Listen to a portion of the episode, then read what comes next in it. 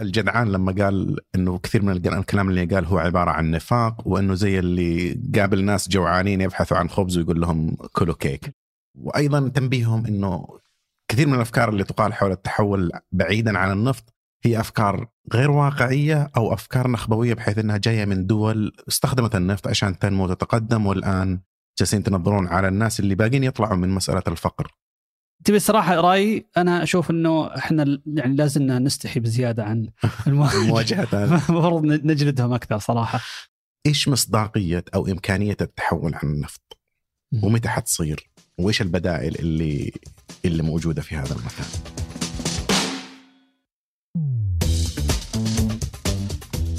هلا حياكم الله معكم محمد آل جابر كاتب ومختص في الاقتصاد وهادي فقيهي أستاذ مساعد في الإدارة الاستراتيجية ومهتم بالاقتصاد والتقنية والتسويق. في بودكاست جادي نحب نسولف في مواضيع مختلفة كل أسبوع ونحللها من زاوية اقتصادية. تفسيرنا للأشياء اللي حولنا سواء على نطاق تصرفات الأشخاص أو الشركات أو حتى الحكومات دائما نحاول نشوفه من منظور اقتصادي بس تدخل في جوانب نفسية وتسويقية واجتماعية.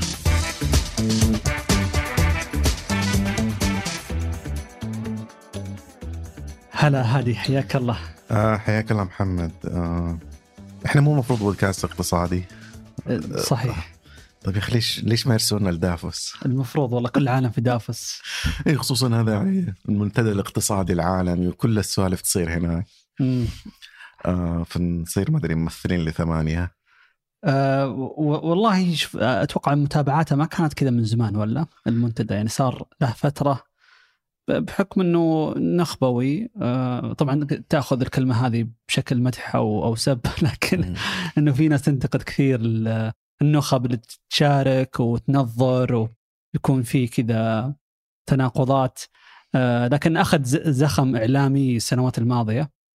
جزء من الزخم الناس لما بدأت تروج لإنه في مؤامرة عالمية لتغيير اقتصاد العالم ولحرب على التملك حرب على الاستهلاك وهذه الأفكار جاية من دافوس. فالناس اهتمت فيه شويتين ولا هو من أول نخبوي بعدين رجع ل طريقته إنه يجتمعوا ناس آه، ينظروا علينا وهم جايين بطياراتهم الخاصة وبعدين يرجعون.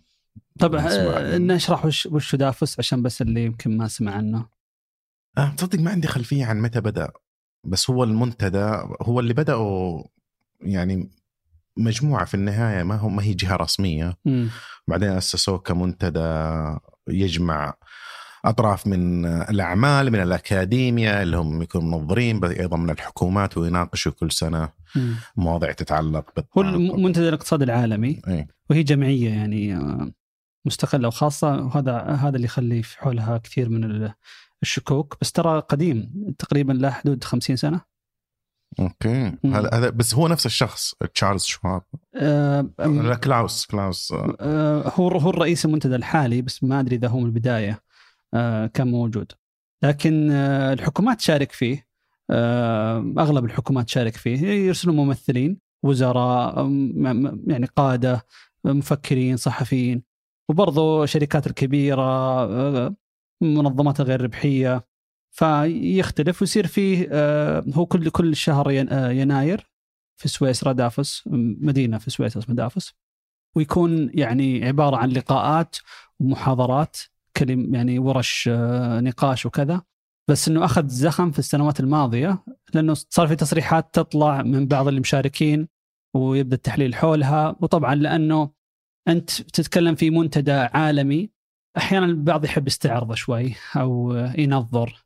ويحط أفكار كذا مثالية زايدة. فإنه يعني ينتقد الاستهلاك ينتقد آه، والناس بدأت تشوف التناقضات إنك أنت في في مكان يجمع. يعني فئة من الأثرياء والتجار وممثلين الحكومات وجايين طيارات خاصة في واحدة من أغلى المدن في العالم.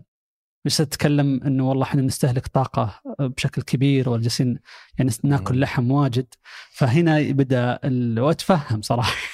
أنا حتى انتقدت إنه فعليا يعني مو هو أكيد على على مستوى يمكن رسمي في فوائد إنه يصير في علاقات ويصير في يعني تعريف ببعض البرامج خاصة فئة كثيرة من المشاركين يعتبرون قادة في دول أخرى. فودك إنه تستغل الفرصة إنك تعرف بالبرامج اللي عندك. لكن على مستوى الأفكار المطروحة انها أي درجة مفيدة ما هو ما هو بشيء هو الأفكار تقريبا في وقت معين طلعت أفكار جديدة خصوصا بعد الأزمة المالية العالمية في 2008 وبعدين بدأ التفكير مع مؤتمر باريس والأفكار اللي طلعت حول إعادة تشكيل الاقتصاد بحيث إنه ما نتكلم بس على النمو ممكن هذا قضية نجي لها لاحقا بس نتكلم أيضا عن الاستدامة استهلاك آه، الطاقة والاستهلاك بشكل عام. وهذا اللي يمكن نبه الناس شويتين على على هذا المنتدى إنه في أفكار نخبوية تعارض رغبات الناس الداخلية إنه أنا في النهاية أستهلك اللي أبغاه ويكون عندي فرص للنمو ونفس التقدم بعدين في مجموعة تقول لا ودنا نعيد ال- السالفة. بس الشيء اللي شدني هذه السنة حضور السعودية كان آه، شويتين في أكثر آه، جرأة مواجهة. جرأة ما هو جرأة بقدر ما هو يعني طريقة معلنة للمواقف اللي لها فترة يعني هي هي اللغة والخطاب السائد. يمكن في المؤتمرات الماضية كانوا الدبلوماسيين أكثر مم. وعرض فقط للفرص والتحولات الموجودة لكن هذه السنة كثير مننا شفنا أو قرأنا تصريحات ال- الجدعان وأيضا الجبير حول دور السعودية في مسألة التحول و- وأيضا تنبيههم أنه كثير من الأفكار اللي تقال حول التحول بعيدا عن النفط هي أفكار غير واقعية أو أفكار نخبوية بحيث إنها جاية من دول استخدمت النفط عشان تنمو وتتقدم والآن جالسين تنظرون على الناس اللي باقين يطلعوا من مسألة الفقر. ويستخدموا النفط بحكم إنه أرخص أنواع الطاقة وأكثرها اللي يمكن تنقله لأي مكان في العالم وأنت تقول لا آه عشان ما أدري نحقق حق- هذه الأهداف اللي أنشأناها 1.5 درجة حرارة ما- ما تزيد درجة الحرارة في العالم أو المتوسط درجة الحرارة في العالم خلال قبل 2055 أو 2035 آه الهدف في 2035 2035 حيكون على حساب النمو في دول. الدول الناشئة. نذكر بس جزء من التصريح أو أو أو آه، يعني ملخص ال- ممكن آه، كان أهمها إنه الجدعان لما قال إنه كثير من الك- الكلام اللي قال هو عبارة عن نفاق وإنه زي اللي قابل ناس جوعانين يبحثوا عن خبز ويقول لهم كلوا كيك طبعا هو يستشهد بماري انتوانيت والثورة ال- ال- الفرنسية بس كان فكرته إنه في تعهدات هذه الدول قالت إنها حتقدمها للدول الناشئة. عشان تبدأ تتحول اقتصاديا وما تم تقديم هذه التعهدات وبالعكس الآن تبدأ في مطالبة بمسألة ضريبة على النفط أو ضريبة على الكربون مو على كربون، النفط. إيه. اي فأي منتج الآن تستهلك فيه كميات من الكربون حتدفع عليه ضريبة أعلى هذه حتضرر منها الناس اللي بالنسبة لهم الوصول إلى الطاقة يعني لابد نعترف في النهاية إنه كل النمو الاقتصادي اللي نشوفه كل التقدم الاقتصادي اللي قد عشناه خلال 200 250 سنة قائم على إن في مصدر للطاقة رخيص سواء الفحم الحجري النفط أو الغاز. فهو يشوف إنه هذا الخطاب يعتبر أول شيء نخبوي ثاني نفاق لأنه ما يلتزم بالتعهدات اللي كانت في باريس. آه كلام آه عادل الجبير كان بنفس النقطة بس أيضا هو كان يتكلم عن استثمارات السعودية في مجال النفط وعن كيف أنه السعودية متفقة أنه لابد نتحول عن النفط لأنه حتى لو ما كان السبب بيئي السبب أيضا اقتصادي. في يوم من الأيام حينتهي النفط من العالم وحنحتاج مصدر جديد للطاقة وأنه السعودية عندها استثمارات في الهيدروجين عندها استثمارات في الطاقة الشمسية وحتى عندها أيضا رغبة في ما أعتقد إذا قال هذا الكلام بس الرغبة في أنه يكون عندنا مصادر للطاقة النووية. فإحنا آه، هو سئل عن عن التنقيب يعني عن ال- المعادن كذا في السعودية. من ضمنها كان اليورانيوم إن عندنا إحنا مخزون جيد.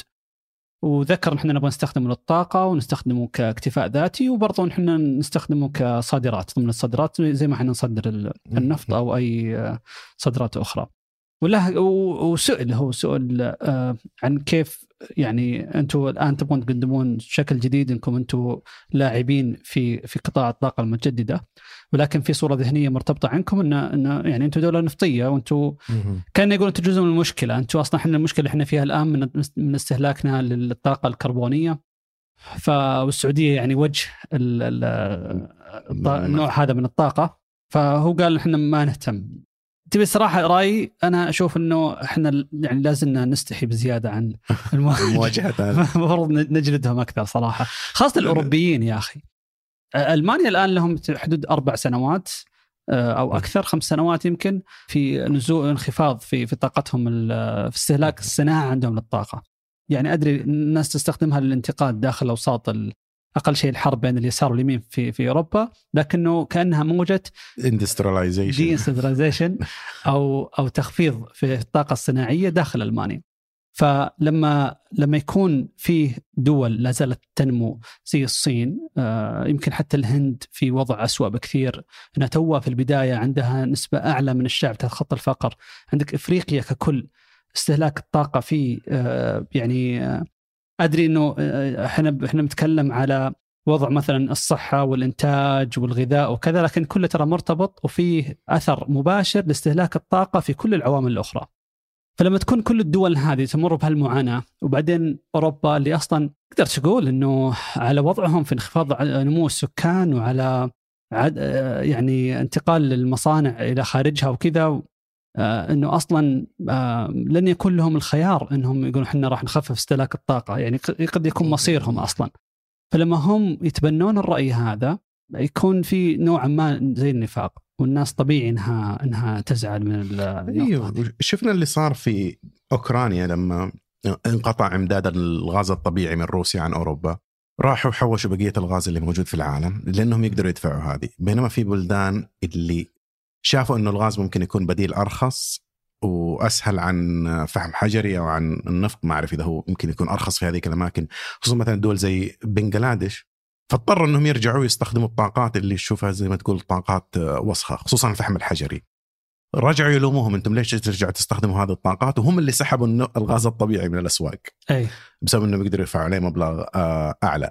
ففعليا ما في أي أحد إلى الآن في العالم كله على كل هذا الكلام اللي جالس يصير على التحول على النفط والطاقة م. مستعد إنه يبني سياسة تقول إنه أنا السنة الجاية حستهلك طاقة أقل.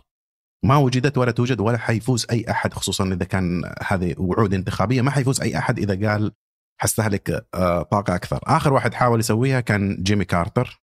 يوم طلع على الأمريكان في أزمة النفط في السبعينات وقال لهم المشكلة إنكم أنتم أدمنتوا على الطاقة ببساطة أو إنه نستهلك طاقة كثير في سياراتنا في البيوت ما فاز بالانتخابات هذا الوعد ما يمكن تحققه وهم يعرفوا هذا الكلام هذه دخلنا في الموضوع اللي ممكن جوهري أكثر وهو إيش مصداقية أو إمكانية التحول عن النفط؟ ومتى حتصير؟ وإيش البدائل اللي اللي موجودة في هذا المكان؟ هو طبعا في الحرب بشكل أشمل هو على الطاقة الكربوهيدرونية. أيوه نتكلم فيول في النهاية. اي يتكلم على النفط يتكلم على الغاز والفحم. هو الفحم اسواها الفحم اسواها لكن يأخذ أقل مساحة من الانتقادات. لأن هم المنتجين له. يعني من إيه؟ أكثر المنتجين للفحم أمريكا ما زالت تستخدمه بشكل كبير. الجميع آه. ينتجه تقريبا. يعني بريطانيا رجعت للفحم بعد حرب أوكرانيا؟ هو ما انقطع ترى من قبل لكن م. رجع في, في الازدياد. يعني كان في في زي الترند إنه نازل رجع في بريطانيا في ازدياد. ألمانيا ترى حتى رجع في الازدياد بشكل مرة كبير. كواردات أوروبا بشكل عام كملت على الواردات. الإشكالية الفعلية إنه الطاقة في الأخير لها لها دورين ترى في الاقتصاد. هي محرك اقتصادي بس في نفس الوقت آه، لها دور كبير في قضية الأمن السياسي. استقرارك الخارجي. ممكن أي سلعة إنك أنت تقول أفضل إنها تنتج عندي، صح أفضل إن كل السلع تنتج عندك، ولكن لو مثلا أنت ما تقدر تنتج ساعات آه، رولكس ما هو مشكلة استوردها. وإذا انقطعت لاي سبب كان يعني ما هو بخسارة كبيرة تقدر تعيش ما هو بإشكالية. لكن. الأشياء الأساسية أتكلم زي ال ال يعني أساسيات الغذاء زي القمح أو أو بالنسبة للطاقه التنقل أو الكهرباء. هذه أساسيات. والمشكلة اللي زي نعاني منها زي الغاز أو النفط إنه على استخدامات أو البنيه التحتية اللي عندنا بدائلها آه، صعبة خاصة على المدى القصير.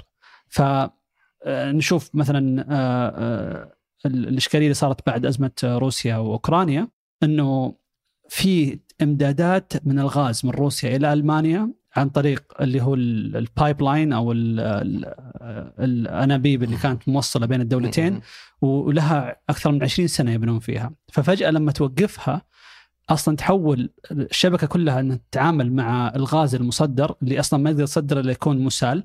فألمانيا أصلا ما كان عندها يعني لا الموانئ ولا المعامل إنها تتعامل مع مع الغاز المسال اللي اللي كان ممكن قطر توديه. فجلسوا فترة لما يتأقلمون على الغاز المسال اللي كان يجي من قطر أو من أمريكا أو من كم دولة مصدرة. فهذه المشكلة إنه حاجتك للطاقة آنية ما تقدر تخزنها بشكل كبير. بدائلها آه، على المدى القصير جدا صعبة. ولها علاقة بموضوع استقرار وامن الدولة.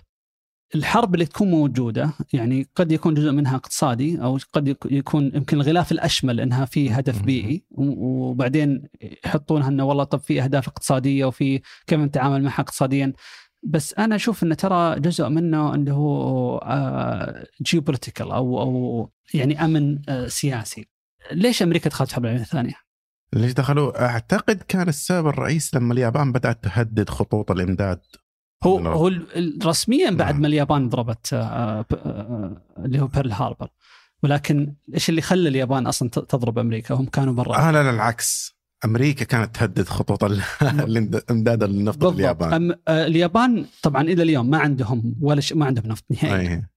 وكانوا يأخذون النفط من من فلبين mainly بشكل رئيسي وأندونيسيا.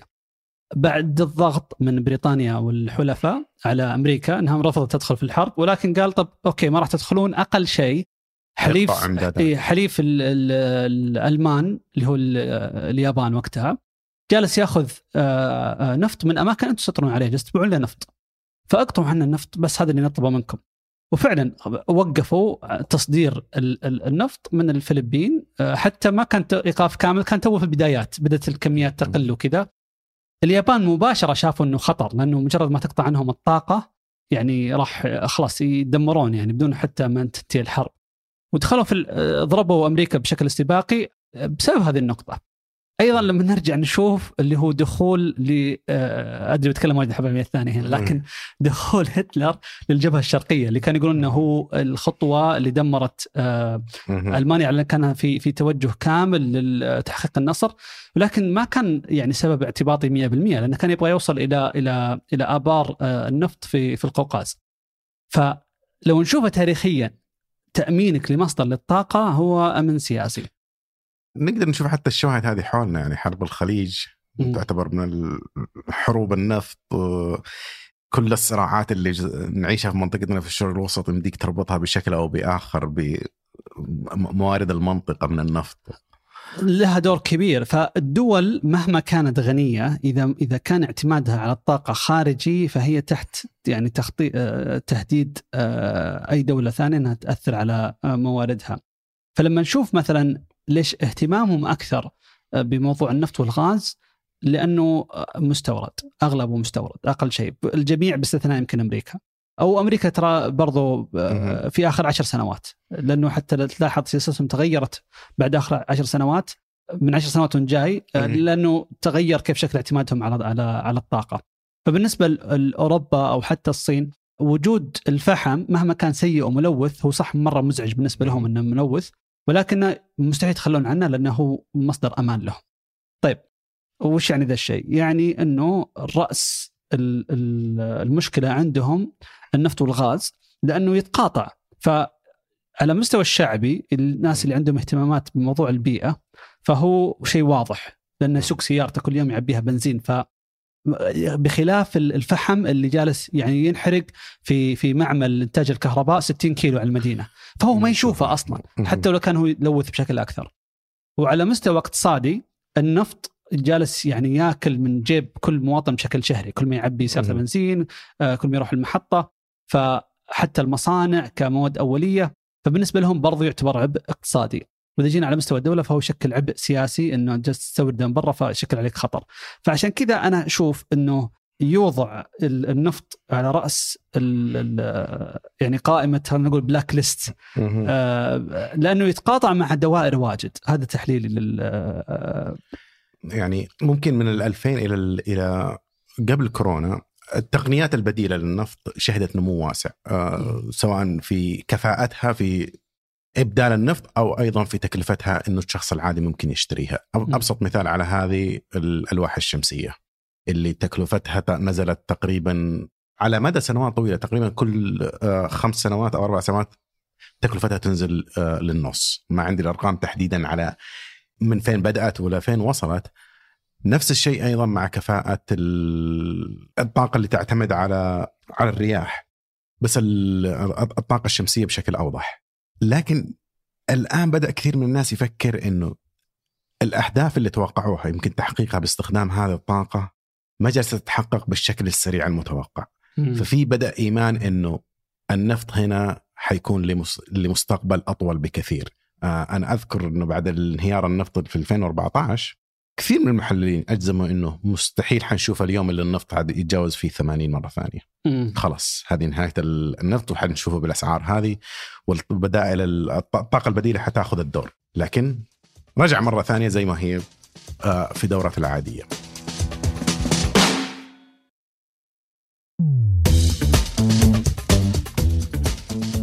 أنت تتوقع العالم الآن يطلع كهرباء باستخدام ال- الرياح أو باستخدام الطاقة الشمسية أكثر أو الرياح؟ لا المفروض انه الطاقة الشمسية بشكل أعلى. بالرياح. من جد؟ بمستوى الضعف. فقط من استخدام التربين المراوح. مراوح. اللي اللي ينتج العالم بالكهرباء بال- باستخدام الرياح ضعف ال- فهذا يعني إنه الطاقة. الشمسية لازم تتضاعف بشكل أسرع بكثير من إيه. تضاعف ال- طبعا ال- شوف يمكن تقلص شوي الفرق مو بكثير لأنه المعلومة هذه من 2021 مهم. آم، ون- و- والصين جالسة تزيد يعني طاقتها من الط- من الطاقة الشمسية بشكل مرة كبير ولكن ترى هنا لازم نرجع خطوة شوي أوكي لما نتكلم على استهلاك العالم للطاقه ونتكلم على استهلاك الكهرباء ترى شيئين مختلفة بس آه. كم تشكل الكهرباء من هذه لأنه إذا فكرت إنك أنت حتحول أيضا السيارات إلى كهرباء وحتحول كثير من الأشياء اللي تستخدم فيها الوقود بس- الآن إلى بس, اشياء بس في نقطة مهمة لأنه. لما نتكلم على استهلاك العالم للطاقة. أنت الآن لما تعبي سيارتك بنزين وتسوق مثلا مشوارك للدوام. يعتبر هذا استهلاك للطاقة جيد ولكن الكهرباء هي واحدة من الأشياء اللي, اللي من مكونات الطاقة اللي نستهلكها بشكل عام. لأنه هنا يجي في لبس. في لبس وين؟ أنه الناس تتوقع إلى الآن مهما أنا كررت المعلومة وذا أنه النفط يستخدم لإنتاج الكهرباء. لا. أقل من 2% من الكهرباء في العالم تنتج باستخدام النفط. وأغلب الإنتاج هذا في دول زي الخليج. وجالس تتقلص بشكل مرة كبير، السعودية تقريبا يعني لأن المعلومة هذه يمكن لها سنتين، فالآن مم. آخر سنتين ال- الإنتاج اللي عندنا باستخدام الكرود أويل أو الز- الزيت الخام أو الديزل جالس يتقلص بشكل مرة كبير ونحول على الغاز. وباقي ال- ال- ال- الطاقة اللي تن- اللي تنتج باستخدام ال- النفط عشان كذا النسبة مرة بسيطة هي اللي اللي الطاقة الاحتياطية. فمثلا المستشفيات اللي عندها generators أو أو مناطق نائية compoundات أو شيء بعيدة فيستخدمون فيها generators وكذا. لكن في العالم إنتاج الكهرباء ما له علاقة في النفط خلينا نقول يعني إذا كان 2% فتقريبا هذه ما لها علاقة في هذه فاللي اللي باقي كرر. معلومة إن أنت تحول السيارة إلى كهربائية ثم بعدين تروح تستخدم النفط لإنتاج الكهرباء. غير صحيح. بس المشكلة إنك تستخدم اللي اسوء من النفط تستخدم الفحم الحجري فيها طب جميل هنا خليني أعطيك معلومة ثانية. المصدر رقم واحد في العالم للكهرباء وليس الطاقة الكهرباء. الفحم. ما تصدمني خصوصا إنه الصين تستهلك فحم. بشكل مرة كبير هم من أول وأكثر المستهلكين يعني للكهرباء. هذا رقم واحد فحم. مهم. 38% تقريبا. رقم اثنين غاز. رقم مم. ثلاثة وهنا اللي مرة صادم اللي هو من ال- من السدود. الهايدرو إلكتريك. ال- رقم ثلاثة. أكثر من نووي. مصدق لأنه نووي أصلا صار في تراجع كثير. في تراجع كبير بس لا زال 10% آه بعده يجي ال ال اللي هو التربينات الهواء بعد النووي. آه بعد ذا اللي هو رقم خمسة ثم بعدين آه تتكلم على آه ال biofuel مهم. آه النفط ثم يجي آخر شيء اللي هو السولر أو الأشعة الشمسية اللي أتوقع إنه لأن المعلومة هذه شوية لها سنتين فمع آخر آه إنتاج من آه من الصين أتوقع الآن آه، صار السولر اللي هو الشمس الشمسي آخر شيء أقل من 2% النفط ومنتجاته. إذا جينا قلنا إن إحنا نبغى نعتمد بشكل أكثر على طاقة مجدده عندك السدود تعتبر طاقة مجدده وهي رقم واحد الآن في العالم. وميزتها إنه يعني ما تحتاج مثلا اختراعات تقنية جديدة هي بس تحتاج استثمارات هذا كميزة لكن كسلبية إنه تعتمد على وضعك الجغرافي إذا ما عندك أنهار وما عندك مرتفعات ما تقدر أي. في دول مثلا يعني دول زي النرويج زي آه، نيوزيلندا هذول عندهم يعني بشكل طبيعي بالضبط. نجي على موضوع النووي اللي هو أتوقع يمكن النقطة اللي آه، ابى أخالفك فيها. أتوقع النووي بيكون له رجوع قوي لا أنا ما أتفق معك لأنه شفت فرنسا الآن تقريبا تخلوا عن كل الأهداف أو مو تخلوا عنها بس قالوا إنه خلاص ما حنحط أهداف للطاقة الكهربائية باستخدام الرياح أو باستخدام الطاقة الشمسية وإنما إحنا نعتمد بشكل كبير حينشئوا تقريبا 14 ل 15 مفاعل نووي جديد طبعا ليش؟ لأن. فرنسا آه، تقريبا 80% من طاقتهم آه، من الطاقة النووية، هم رقم. واحد في العالم. فلما جت الأزمة الأخيرة بعد أوكرانيا ألمانيا دخلوا في في متاهات ووضع جدا سيء مقارنة بالاستقرار اللي كان موجود في فرنسا أقل شيء على نطاق الطاقة. آه، طبعا آه، آخر عشر سنوات أو من 2005 ألمانيا بدات يعني بدفعه كبيرة للطاقة الشمسية وللرياح وتقليص ال- بعدين بعد بعد فوكو- فوكوشيما اللي صار في 2011 هاجموا الطاقة النووية وحطوا تاريخ نهاية قفلوا كل معامل إنتاج الطاقة النووية والجميع يقولون عندهم تخوف يعني من الطاقة النووية. لا, لقربهم من تشيرنوبل. يعني هم شافوا الأزمة قريبة منهم خصوصا اللي كانوا متعرضين للاتحاد السوفيتي وكانوا في شرق ألمانيا. ألمانيا الشرقية ما اندمجت مع ألمانيا الغربية وانفصل عن الاتحاد السوفيتي إلا بعد ما صارت تشيرنوبل، فكل اللي كانوا موجودين ومتعرضين للبروباغندا من الاتحاد السوفيتي كان عندهم هذه الفكرة إنه الطاقة النووية شيء خطير، مم. شيء ما نبغاه. فأعتقد ألمانيا ممكن حتى يشيلوا هذه التحفظات حيحتاج لهم وقت طويل. لأنه ما كان في إنفاق أصلا على على التطوير الطاقة والتخوف هذا موجود ترى من السبعينات قديم. جدا حتى في أمريكا في دول حتى بعيدة عن عن المشكلة اللي صارت في تشيرنوبل طبعا أمريكا كان عندها مشاكلها الخاصة كان عندهم حادثة 3 Miles اللي صارت قبلها بعشر سنوات إيه. وتسع سنوات تقريبا. آه، مع إنه كان وفيات صفر الوفيات صفر بس بعدين اتضح الحجم المشكلة لو صارت ولو ما تم اتخاذ الإجراءات ووقفوها في وقتها بعدين اتضح إنه هذه الطاقة صرنا نستخدمها بشكل فيه تلاعب كثير في معايير السلامة وفقط للربح. طلعت تقارير مخيفة يعني بالنسبة للناس. بس بس هذا هو هو توهم خطر. زي الناس اللي مثلا تخاف من ركوب الطيارة بينما مشوارك من البيت إلى المطار. أخطر من مشوارك في الطيارة. فإذا حسبتها كم حالة وفاة؟ لكل آه، آه، وحدة من الطاقة يتم مم. إنتاجها يعني الناس يمكن ما تصدق لكن الطاقة النووية أكثر أمان من طاقة الرياح أوكي أنا عندي أعرف هذه المعلومة بس أعتقد إنها تخالف أو فيها يعني تحيز خاطئ شويتين إنك بسبب فقط إنه شيء ما صار لأن نسبة إنه يحدث بشكل قليل جدا ما تفكر في تداعيات حدوثه. يعني حتى لو صارت مشكلة في مكان مصنع ينتج باستخدام النفط أو صارت مشكلة تتعلق بأي نوع من انواع الطاقة حجم تأثيرها محدود.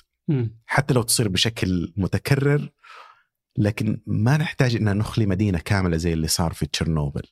ما تحتاج إنه زي ما الآن الياباني الان الآن اليابانيين أعتقد المنطقة في منطقة كم؟ 40 كيلو أو شيء زي كذا. إيه. ما زالت محجورة بسبب اللي صار في فوكوشيما. ف في الحوادث النووية تحتاج بس حادثين أو ثلاثة. وتخرج بأزمة أكبر من اللي قد صار في كل أنواع الطاقة الثانية. فما هو موضوع يستهان فيه حتى لو ما يصير. هو مو هو إنه يستهان فيه ولكن لما تحطه في اطاره الفعلي إحنا فعلا نخاف من ال- الشيء اللي يكون يعني صادم الشيء البسيط ما ننتبه له. ف ال- ال- اللي يصير مثلا في في إنتاج الفحم. لو تشوف المصانع يعني في ال- المشهد اللي في Lord of the Rings يوم داخل ال- ال- الجبل اللي هو. بركان يصنعون ال... فتشوف الأدخنة السوداء ومصورين لك مشهد كذا من الجحيم فعلا إنتاج ال- ال- الفحم جدا قبيح وملوث وأثره يعني عدد الوفيات في العالم اللي يجي بشكل. دوري بدون حوادث بس ال- نعم. الانبعاثات اللي تطلع من الفحم وأثرها على الصحة العامة. الوفيات بمئات الآلاف بس لأنه يصير بشكل بطيء فالناس ما ما تنتبه له، صحيح ما هو بصادم، ما هو بزي حدث حدث هبوط طيارة إنها تطيح. وتنفجر فهذا صادم لل- للناس. أنا ليش أقول كذا؟ لأنه كان هذا جزء من ال... من حديث السعودية على اليورانيوم،. وتبي الصراحة يعني من أيام آه، الملك عبد الله الله يرحمه وبداية اللي هو تأسيس مركز في السعودية للطاقة النووية. وكان في وقتها تقريبا يعني بعد تاسيس المركز بفتره بسيطة صارت سالفة فوكوشيما وأعلنت ألمانيا إنها راح تقفل كل آه، يعني مصانع إنتاج الطاقة النووية أو معامل إنتاج الطاقة النووية وصار في هجمة عالمية عليه. أنا وقتها كنت أقرأ الأخبار. حتى اليابان يعني بدأت كان في تراجعوا الحين يعني شوية خف الأثر حقه. لكن أنا أذكر وقتها كنت أقرأ كنت أقول يا أخي كيف السعودية تروح تفتح آه يعني إحنا ما عندنا طاقة نووية نروح نبى ندخل في شيء ناس ناس يبغون يطلعون منه، ناس يسبقونا ب 50 سنة يبغون يطلعون منه، يعني حسيت إنه خطوة للوراء. ولأنه كان يخوف وقتها إنه حادث زي كذا يصير. ولكن بعد فترة آه لما كذا هدى الغبار حول الأزمة وتبدا تشوف فعليا وين الاستقرار على المدى الطويل وقتها لسه الصين ما ما توسعت في الطاقة النووية ولا ولا طلع المشاكل جت ألمانيا آه، في أزمة الطاقة. الآن جالس تشوف يعني آه، قديش إنه كان قرار سليم إن إحنا نستمر فيه وإن كان في تأخير في في التنفيذ. يمكن عشان السعودية عندها اشتراطات خاصة إنها تبغى يعني تخصيب اليورانيوم يصير محلي في السعودية وفي بعض فاحنا نبغى نسويها بطريقتنا ولا في يمكن حاجة آنية لها إحنا نبدأ فيها الحين نبدأ فيها بطريقة صحيحة أفضل. فأنا أشوف إنه خلينا نقول الجمود التقني حول الطاقة النووية اللي كان موجود من فترة قديمة بسبب تخوف الناس هو السبب إنه حصتها من إنتاج العالم جالسه تتراجع. الصين جالسة تتوسع بشكل مهول. أنا أتفق معك في هذا الشيء إنه حنشوف ممكن توسع بس تظل ترى تكلفة إنشاء مع يعني محطة واحدة تشتغل بالطاقة النووية بالنسبة لكثير من الدول أنت تقول لي أوكي على المدى البعيد ممكن آه تكون لها فائدة بس إذا ما عندك احتياطات وما عندك اقتصاد يعني عندك ال... تقدر الآن تستثمر من غير ما تاخذ الفلوس هذه من مصاريف أساسية وهذا الشيء ما هو موجود عشان يغطي الاحتياج العالم خصوصا الدول اللي باقي ناشئة اللي تقول لي هل الآن أنشئ مستشفيات ومدارس وطرق واستورد نفط عشان أسوي هذا الشيء أو أروح أبني مفاعل نووي تقريبا حيكلفني ميزانية الدولة كلها إذا مو أضعاف. هي مشكلتها انها إنها مكلفة في البداية. لكن اللي جالس يصير الآن إنه مثلا الرقم كنت بتكلم عنه الصين جالسة توافق على ستة إلى ثمانية آه، مفاعلات في السنة. مفاعلات جديدة سنويا. على على رتمهم الحالي بيغطون 10% من طاقتهم في 2035 2060 يبغون يوصلون 18% طبعا تبدو الأرقام يمكن صغيرة شوي مقارنة بحجم الصين لكن هم متوقعين نمو كبير في الطاقة فعشان كذا إنه حتى مع النمو الكبير في الطاقة لا يزال حصة الطاقة النووية تاخذ حصة أكثر. الإنفاق الضخم اللي جالس يصير والتوسع جالس يخفض تكلفة إنشاء المعامل. لأنه هذه هذه مشكلة المفاعلات سابقا، المشكلة إنك جالس تأخذ تقنية من الخمسينات ما تغيرت. ما حد جالس ينفق يتوسع فيها فما هي بجالسه تصير آه، أفضل والعكس التقنية كل ما صارت قديمة ما هو بمشكله انها إنها فقط ما فيها كفاءة، المشكلة إنه حتى ما في تطور في النموذج حولها، نموذج التمويل من البنوك، نموذج التدريب والتوريدات والى آخره. فبحكم إن الصين نامية وجالسة تأسس البنية التحتية من الآن وجالسة تنفق انفاق كبير فالتحسن التقني جالس يخفض تكلفة إنشاء المفاعلات هذه. طبعا غير إنه ترى حتى مثلا في دول اللي تخلت عنها فترة زي اليابان الحين جالسين يرجعون أمريكا مع إنه مع صعوبات في في في رجعة. طبعا أحس إن إحنا أخذنا يمكن آه، جزء كبير من الطاقة على موضوع الطاقة النووية لكن هو اي مثير للاهتمام صراحة مثير للاهتمام وأعتقد يعني أنا أشوف كثير من الناس يؤمن وما زال اللي متبنين للحركة حركة الاستدامة في إنتاج الطاقة واستخدام البدائل النظيفة أكثرهم يعارضون كل هذه النقاط حول فائدة الطاقة النووية بالعكس الناس اللي تقول نتحول للطاقه النووية هم تقريبا أقرب لاستخدام النفط والفحم الحجري من اللي يقول لك استخدم الطاقة البديلة. وأنا أتفق خصوصا انت تكلمت عن نموذج العمل اللي يكون حول الطاقة النووية إذا تحولت إلى شيء يتم تمويله بشكل خاص وتشغيله بشكل خاص. ما أعتقد هذا حيكون نموذج جيد لأن القطاع الخاص في النهاية معروف إنه الاهتمامات عنده تكون قصيرة المدى. الأشياء اللي تكون فيها تكلفة عالية وفائدتها ما هي واضحة على مدى ما حتى أقول حتى خمس سنوات يمكن حتى ثلاث سنوات يتم التهاون فيها وهذا حيدخلك في المخاوف المتجددة من حنوصل لهذا التوسع الكبير حنشوف حوادث تصير في الطاقة النووية. وأنا أعتقد حنشوفها وحنرجع لنفس الموال اللي صار في اللي رجع مثلا من تشيرنوبل بعدين مع اليابان. أول ما تصير حادثة حيبدأ التراجع أو الرغبة السياسية في إنه نستمر في الطاقة النووية. خصوصا إذا أصبحت مثلا ال- الطاقة الشمسية كمصدر بديل. بس جزء كبير من هذا النقاش حول البدائل اللي نحتاجها للنفط وكيف إنه كل هذه الحلول لابد تسدد وتقارب, وتقارب عشان تقدر توصل لحل نهائي. كثير من الناس بدأ يؤمن إنه ما هي كفاية. إن سواء الطاقة الشمسية طاقة الرياح أو حتى استخدام الطاقة النووية كل هذه الحلول ما هي كفاية. الحل الأفضل إنه نغير نموذج الاقتصاد كله. طيب. لأنه الآن أي أحد يتكلم عن خطط اقتصادية أو مشاريع اقتصادية دائما كل هدفها هو النمو، النمو هو المحرك الموجود في قلب الاله الرأسمالية. ال- الأشخاص يستهدف النمو، المدن تستهدف النمو، الدول تستهدف النمو.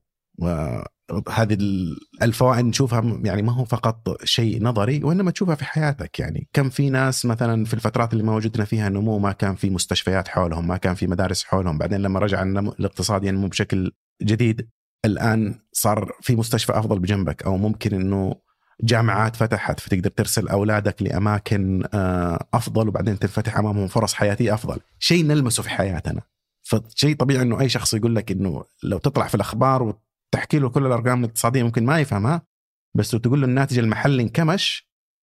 اراهنك إنه معظم الناس يفهم إنه هذا مشكلة إنه هذا بكرة الوظائف حتقل الرواتب ما حتزيد حتصير الحياة أصعب مم. لكن في مجموعة وأيضا حتى أفكارهم عرضت في دافوس تقول لا إحنا الآن مفروض نستهدف انحصار مخطط له في الناتج العام وفي المصادر اللي يتم استخدامها في الاقتصاد. هذه الحركة تعرف ب دي جروث ترجمتها ممكن أقرب ترجمة أشوفها لها إنه الانحصار. طبعا هذا يفرق عن الانكماش اللي يصير بسبب ظروف اقتصادية إنه الآن صارت أزمة اقتصادية والاقتصاد ما نما. لا هذا الدولة المفروض إنها تخطط إنه هذه السنة اقتصادنا ينكمش ب 2% أو 1% إيش السبب وراء هذا؟ هم يقولوا إنه في نهاية الأمر أنت عشان تقلل التأثير على البيئة عندك واحد من أربع حلول. الحل الأول إنك تقلل عدد السكان، طبعا أعتقد ما في أي أحد يبغى يدخل في إنه يقول للناس كم تنتجون عدد أولاده وكم يكون حجم الأسرة. آه في ناس الصين- في ناس حاولوا نتائجها كارثية. أيوه الصين كانت تجربتها كارثية. أيضا حتى في شرق آه أوروبا في دول وقت الاتحاد السوفيتي جربتها وطلعت نتائج مرة سيئة على المجتمع. فهذه الفكرة ما حد صار ينادي فيها. الفكرة الثانية يقول لك إنه تخفض حجم الدخل الموجود عند كل شخص. مم. وهذا منه إنه إذا ما نما الاقتصاد أكيد حجم الدخل حيكون أقل. نخفض الاستهلاك فمثلا الطيران يصير فقط للأغراض الأساسية ما في أكل للحوم لأنها تعتبر آه، تستهلك موارد كثير لإنتاجها ال fast fashion يصير عليها ضريبة عالية اللي هي الموضة. السريعة اللي زي اتش ان ام أي. و Zara و Shein وكذا نخليه أصعب إنه تبدل جوالك كل سنتين كله قيود على الاستهلاك مم. وجزء منها أيضا إنه نركز على الأشياء اللي استهلاكها ما يتطلب موارد غير نظيفة زي النفط وزي الفحم الحجري وممكن تعتمد على الكهرباء بشكل كبير. فهذه الفكرة صارت موجودة صح إنها ما هي موجودة من الآن موجودة من السبعينات. مم. أول فكرة في كتاب انتشر وقتها كان في كتاب اسمه population bomb اللي هو كان يتكلم عن إذا زاد عدد الناس زي وضعه الحالي حنوصل إلى مرحلة حرجة ينهار فيها المجتمع لأنه ما في أكل كفاية عشان الناس كلهم يأكلوا. إيه. طبعا بعدين حدثت تطورات في في الزراعة نفسها وأصبحت الأراضي الآن اللي نستخدمها عشان نزرع الآن وعدد السكان أكثر أقل من اللي كانت تستخدم آه، قبل عقود. إيه طبعا الكتاب آه. هذا البعض يتهمه إنه السبب في يعني عدم ولادة 800 مليون آدمي يعني إنه الناس بسبب وقتها- سياساته إيه لأن في إيه. ناس في ناس اقتنعت بالكتاب هذا إنه في قنبلة سكانية وإن النمو حق السكان راح يكون أعلى من نمو الموارد البشرية الفكرة هذه موجودة إلى الآن ترى مع انها يعني قتلت. وخلاص يعني. علميا من زمان لكن لا زالت في مخ الناس إنه هو الشيء الأساسي إنه عدد الموارد كأنه ثابت وإن هي كعكة تتقسم بحسب آه، كل ما شخص يزيد وللأسف إنه ترى كل ال- القناعات اللي تجي لأي أفكار اشتراكية تأتي من هالفكرة. في في قضيه إنتاج القيمة نفسها. فحتى اللي شاف أفلام مارفل يوم يوم ال- آه، اللي هو ال- ال- ثانوس ثانوس. يقضي على نص العالم. يقضي على نص ال ال ال الكائنات عشان آه، الموارد ما تكفيهم. مع إنه أنا ما أدري من اللي كتب صراحة النص هذاك لأنه كان يقدر إذا كان يقدر نظريا إنه بسناب حقته يضاعف عدد ال... إيه، كان يقدر يضاعف عدد الموارد لو كان مشكلة الموارد. بس ال ال ال ال الفكرة إنه ال- البشر من الثورة الصناعية إلى الآن آه، تضاعف ال- العدد حدود عشر مرات. نعم. ال- الأرض هي الأرض. ف وليس فقط إنه عدد الأشخاص زاد مستوى الاستهلاك تضاعف بمئات المرات مو بعشرات المرات. مهم. نفس عدد المكونات في الأرض اللي كان موجود من 4 مليار سنة هي نفسها اليوم موجودة. خلق القيمة يأتي مع العمل وال... والإنتاج وليس أنه قيمة موجودة كامنة في حد ذاتها. وهذا بس ال- ال- ال- المعلومة هذه البسيطة أو المفهوم هذا البسيط هو الفرق الكبير اللي يجي بين طرفين نقيض في خلينا نقول النظريات الاقتصادية بس معلش صحيح. قطعتك.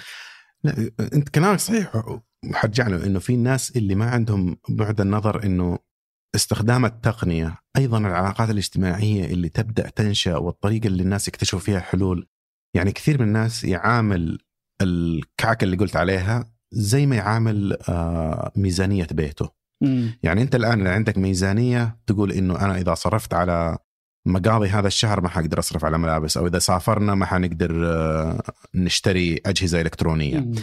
ويحسب إنه ال- الحسابات على مستوى العالم تصير زي ما تسوي الحسابات على مستوى الفرد بينما هنا في فارق المجتمع بشكل عام يقدر ياخذ جزء من استهلاكه ويستثمره. في وسائل إنتاج جديدة بينما أنت في العالم في الغالب على المستوى الشخصي يعني الواحد ممكن في بداية عمله كذا يشوف في زيادة في دخله بس الزيادة بعدين تصبح على نسب بسيطة بينما الزيادات على مستوى ال- الدول ممكن تصبح فيها قفزات. تشوف الآن في اقتصاد الهند شوف أيضا في اقتصاد الصين إذا وصلت إلى مرحلة حرجة تزيد فيها كفاءة في استخدام المواد أيضا تصبح في إنك تنشئ قطاعات جديدة بينما أنت كشخص ما تقدر تنشئ لك مصدر دخل جديد أنت. مرتبط أحيانا بمصدر دخل معين إلا إذا كنت تدخل في تجارة هذه هي الفكرة إنه المجتمع عنده أدوات أكثر إنه يحسن من القيمة ويوزعها على الناس بينما الأشخاص عندهم أدوات أقل هذه ال- النقطة مهمة جدا الواحد يفهمها إنه ما يمديك تطبق نفس النظريات اللي تشوفها على الأشخاص وتاخذها وتطبقها على المجتمعات بشكل أكثر. أيه. في عوامل تختلف. عموما في كتاب ثاني طلع في هذه الفترة اسمه Limits to Growth أو حدود النمو. كرر نفس الفكرة إنه إحنا ما يمدينا ننمو بهذا الشكل خصوصا صار في 30 سنة بعد الحرب العالمية الثانية كلها فيها نمو نمو نمو ما دخلوا في أي أزمة اقتصادية فطلعت هذه الفكرة إنه إلى متى هذا النمو؟ إيش تأثيره على البيئة؟ وجزء كبير منها كان أيضا في مخيلة الناس اللي هي برامج استكشاف الفضاء اللي بدأت في وقتها وهذه الصور اللي أخذت للأرض من القمر أو أخذت من بعيد الناس بدأت عندهم هذه الفكرة إنه الأرض ما هي بالشيء المتوسع اللي نشوفه حولنا اللي ما أشوف نهايته. لا هي مجرد بيت صغير عايشين فيه. يعني آه، فكرة فلسفية شويتين بس فعلا أثرت في فلسفة الناس في اعتباراتهم لشكل الاقتصاد وأيضا مستوى النمو فيه. بس الفكرة ما أخذت وبدأت تنمو وتأخذ حيزها بشكل كبير إلا في السنوات الأخيرة لدرجة إنه الآن شفتها تنشر في مجلات علمية رائدة إنه كيف ممكن نرجع نعيد الاقتصاد بحيث إنه ما نحتاج إلى النمو. أنا وجهة نظري إنه الفكرة ما تنطبق لأن أصلا ما في نموذج اقتصادي متكامل تبني حولها. النموذج الاقتصادي اللي إحنا نستخدمه اللي قائم على النمو قائم على الشيء اللي فيه فائدة يرتفع سعره وتتجه الاستثمارات له. والشيء اللي يصبح ماله مردود يقل سعره وتقل الاستثمارات له. وهذا يعرفك فين الأشياء اللي المفروض تنمو وكيف يتطور الاقتصاد. الآن كيف تطبق هذه النظرية على مسألة التراجع؟ فين الأماكن اللي تختار إنك تقول خلينا نقفلها والأماكن المفروض نشجعها؟ ما في أي آلية.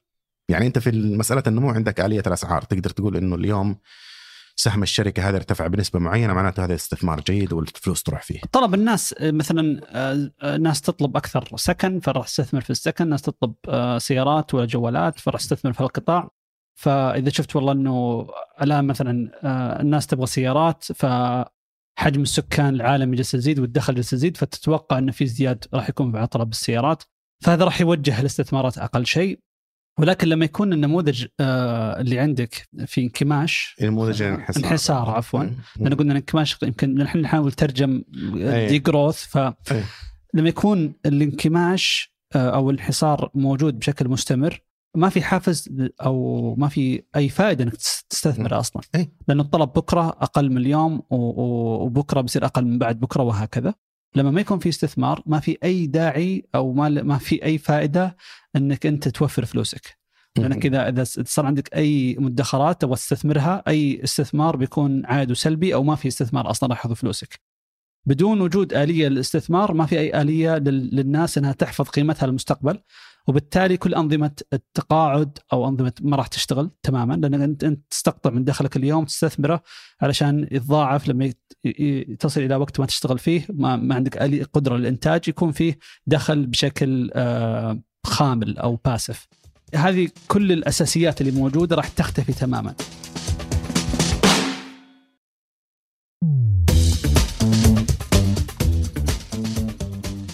هنا يمكن ندخل شوي في موضوع التنظير، مو بتنظير ولكن رأي شخصي. أنا أحس إن في دول بدأت أصلا آه، في عملية الديجروث اجبارا وليس اختيارا. يعني بدأوا في الانحسار اجبارا بسبب ال- القنبلة السكانية بشكل مقلوب.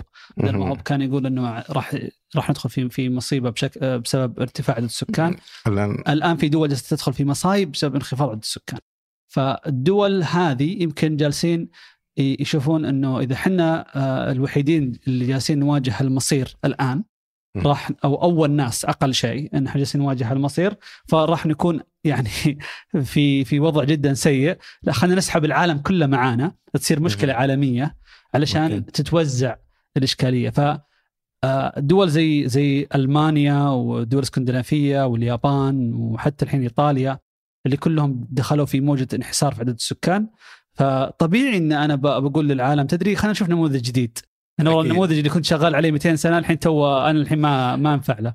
صحيح أنا يعني عاجبني الرأي ما أدري إذا وافقه بس من الشواهد على رأيك إنهم هم شافوا إنه النمو الاقتصادي صار عندنا أصعب فخلينا نقنع الناس كلهم إنه لا تنمو خلوكم معنا. يؤيد في كلامك إنه معظم المنظرين لهذه الفكرة أتوقع من فين جايين؟ ألمانيا. أوروبا بشكل عام. أوروبا إيه، أوروبا. يعني ما أدري إذا هم بألمانيا بس أكيد أصلا مركز الفكرة هذه كان عندي مشكلة مع اسمه- مع أوروبا صراحة وال دم- do you accept cookies هذه اللي موجودة في المواقع؟ سبتهم. لا بس ردا على على الفكرة هذه أول شيء إحنا ناقشنا إنه أصلا degrowth هذا حتى لو أنت اقتنعت فيه ما عندك آلية تطبقه. بس هم عندهم إجابات على هذه.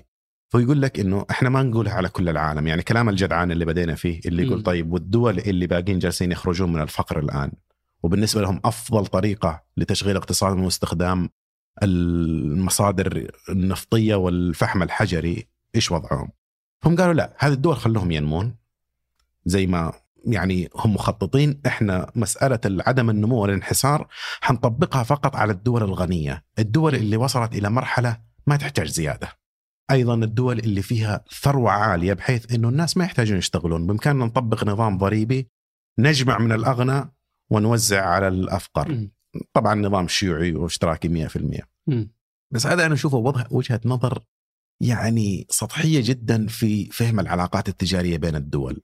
يعني إذا في دولة الآن زي تمر بمرحلة الهند إنها. الآن بدأت تتطور مع إنه الهند يعني يعتبر معظم الشعب ما يزال فقير. الأشياء اللي ينتجونها مين يستوردها؟ مين يستهلكها؟ مم. النموذج الصيني ب- إيه، بني تستهلك من- بالكامل أمريكا ومن من أوروبا وأنت تقول هذه الدول لا تنمو أيوه. أيوه فت- فتح لها أسواق النموذج الصيني لأن ما عندهم استهلاك محلي هم ب... والنموذج هذا مو حصريا على الصين بس هو مهم. يعني أكبر مثال حالي الآن موجود ولا نفس المثال يعني سبقهم في اليابان ثم تايوان مم. ثم كوريا مهم. ثم آه الصين فالنموذج ببساطة أنه حنا راح آه آه نركز على الإنتاج آه في الصناعات البسيطة ونبدأ نتقدم خطوة خطوة في التعقيد الصناعي والتصدير المنتج لأنه ما عندنا أصلا دخل نستهلك الإنتاج فنروح نصدر الدولة أوريدي غنية أيوة. وعندها قدرة شرائية وناخذ الفلوس ونعيدها كاستثمارات فيصير النمو بالاستثمار وليس بالاستهلاك. بس بس هذا يلزم لك وجود دولة غنية مستهلكة. بالضبط. ف... فالآن إذا أنت تقول والله خل خلهن تنمو ولكن إحنا في أوروبا وأمريكا ما راح آه، ننمو ولا نستهلك فالهنود يصدرون المن بالضبط. تماما. فهذا هذا أول خلل في الفكرة. الخلل الثاني يرجع للموضوع إنه طيب كيف تقرر إيش هي السلع اللي تستهلك وإيش هي السلع اللي نبطل ننتجها.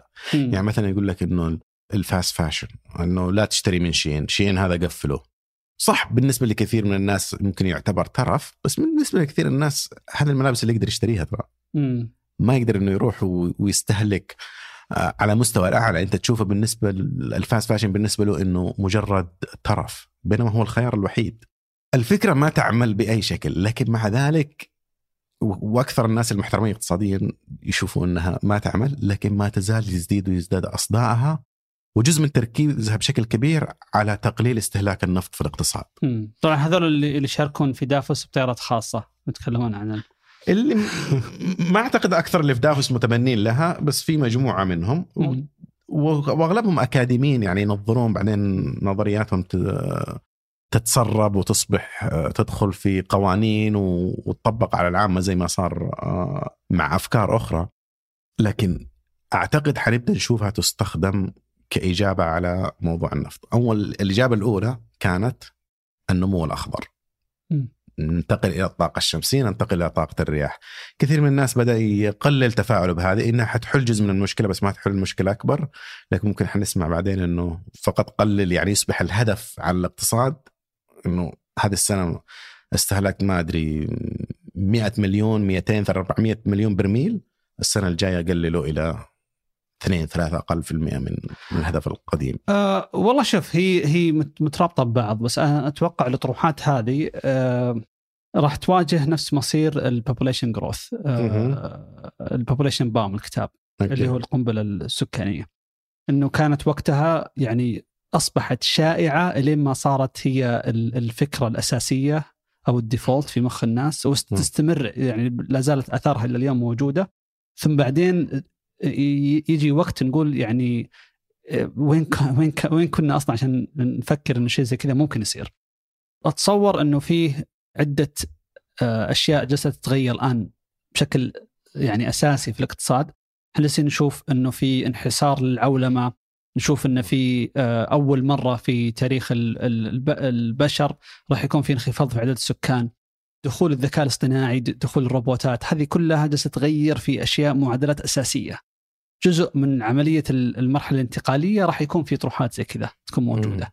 آه يمكن تواجدها في ذاك الفترة إنه النمو خلينا نقول اللي كان مبني على الصناعة كان في أواخره. فمن بداية ال ال ال اللي هو عصر الصناعة الثورة الصناعية إلين السبعينات ثم بعدين الثورة المعلوماتية هي هي الثورة الصناعية الثانية. أو آه، يمكن الثالثة. بعضهم يعدد أو إيه، الثالثة لأنه كان في على حسب إنتاج الطاقة. فاتصور إن إحنا الآن على على على نموذج جديد في استهلاك الطاقة في ال- في الإنتاج في الذكاء الاصطناعي في الروبوتات. وهذا الشيء يخلي في يعني الدول تحس انها في دول راح تربح في دول راح تخسر. والدول اللي تحس إنها تخسر جالسة تحاول تشوف لها مكان في المنظومة الجديدة. لأنه قطعا يعني اذا إذا كنت كدول أوروبية تشكل 40% من الاقتصاد العالمي في فترة والحين تشكل أقل من 20% مهم. وجالس يتضاءل تواجدك يوم بعد يوم. بريطانيا كانت عشرة أضعاف حجم اقتصاد ال- الهند في, ال في ال. قبل الحرب العالمية الثانية. الآن اقتصاد الهند أكبر من اقتصاد بريطانيا. فالوضع والترتيب جالس يتغير. فلا يعني أن بريطانيا أصبحت اليوم فقيرة. مهم. هم أغنى من ذاك الوقت. ولكن الأحجام بشكل خلينا نقول أرقام آه، كاملة جالسة- جالسة تتغير في العالم. ف ما أدري راح راح راح نشوف أنا أتصور إنه إحنا آه، على بعد يمكن ثورة بريك ثرو واحد مهم. يا أما في المواد أو في آه، في الطاقة راح تغير كل شيء. ما أتصور ممكن تغير أشياء متعلق بكيف الناس يتواصلون وكيف تتنقل لكن وجود الطاقة كالعمود الفقري لل...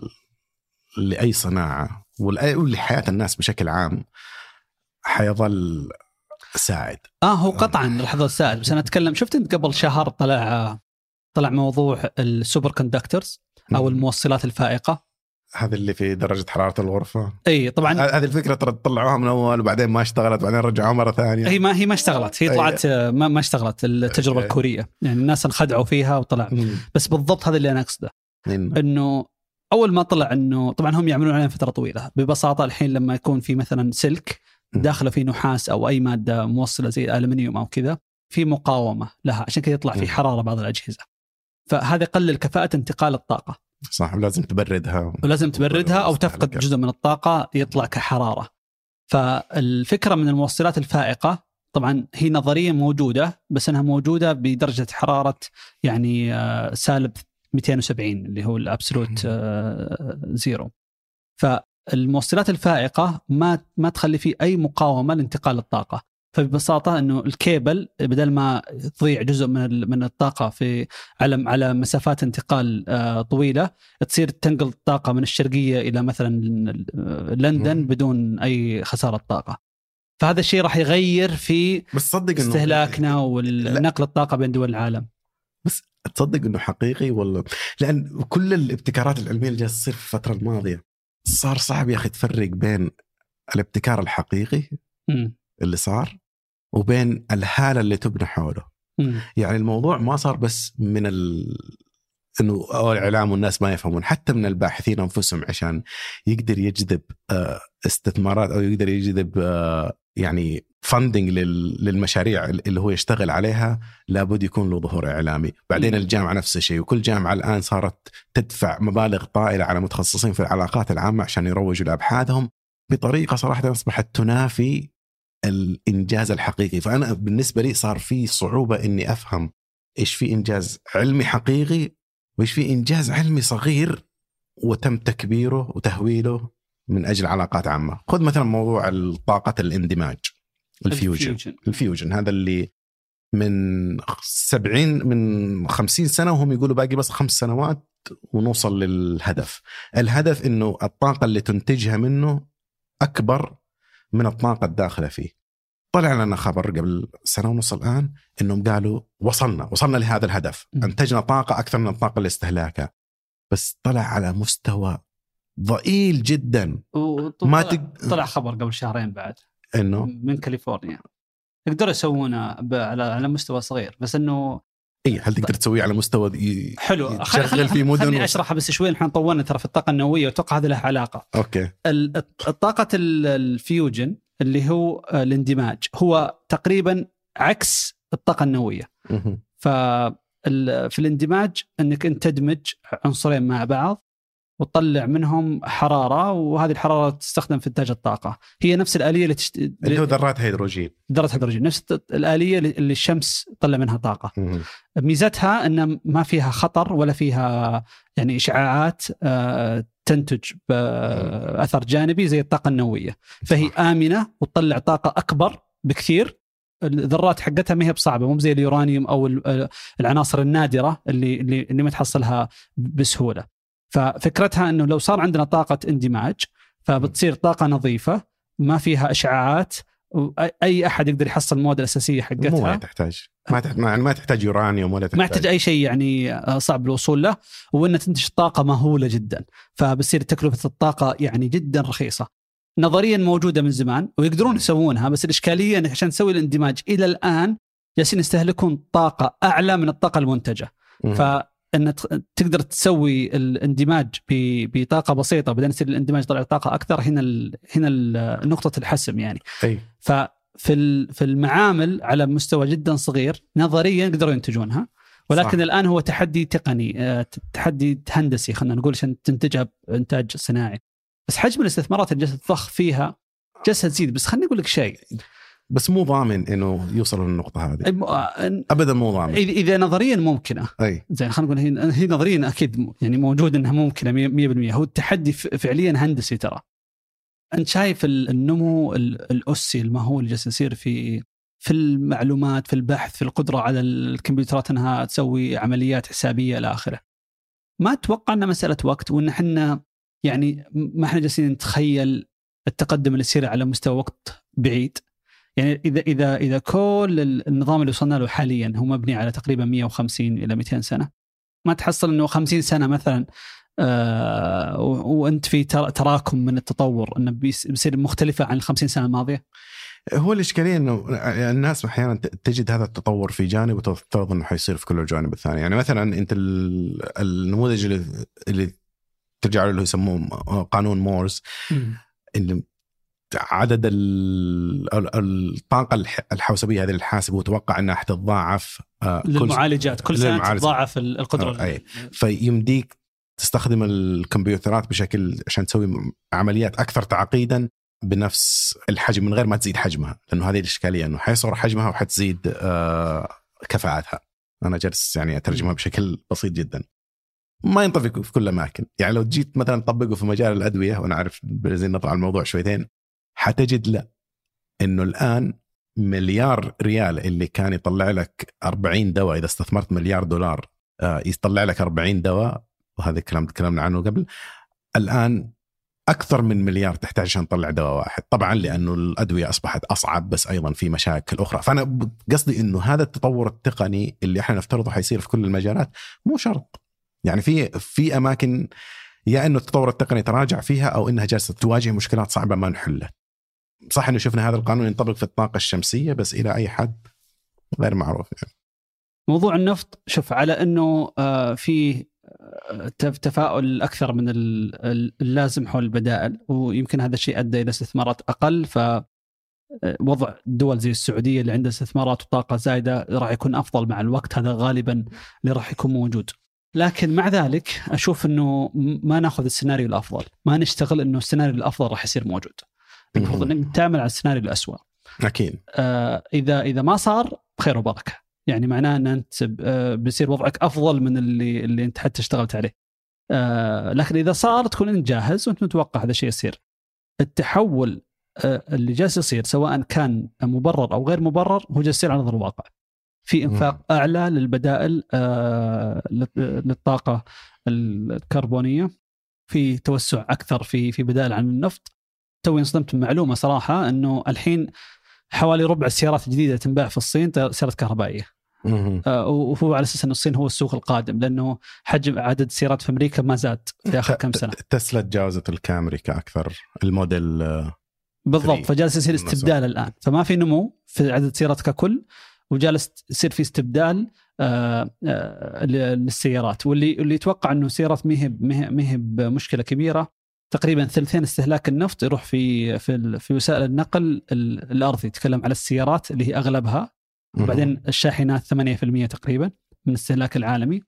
وبعد ذلك اللي تستهلك ال- ال- الصناعات ككل حدود أقل من 20% فثلثين بشكل رئيسي على السيارات فلما نخسر حتى لو نسبة بسيطة يعني هذا راح يأثر بشكل كبير على السعر.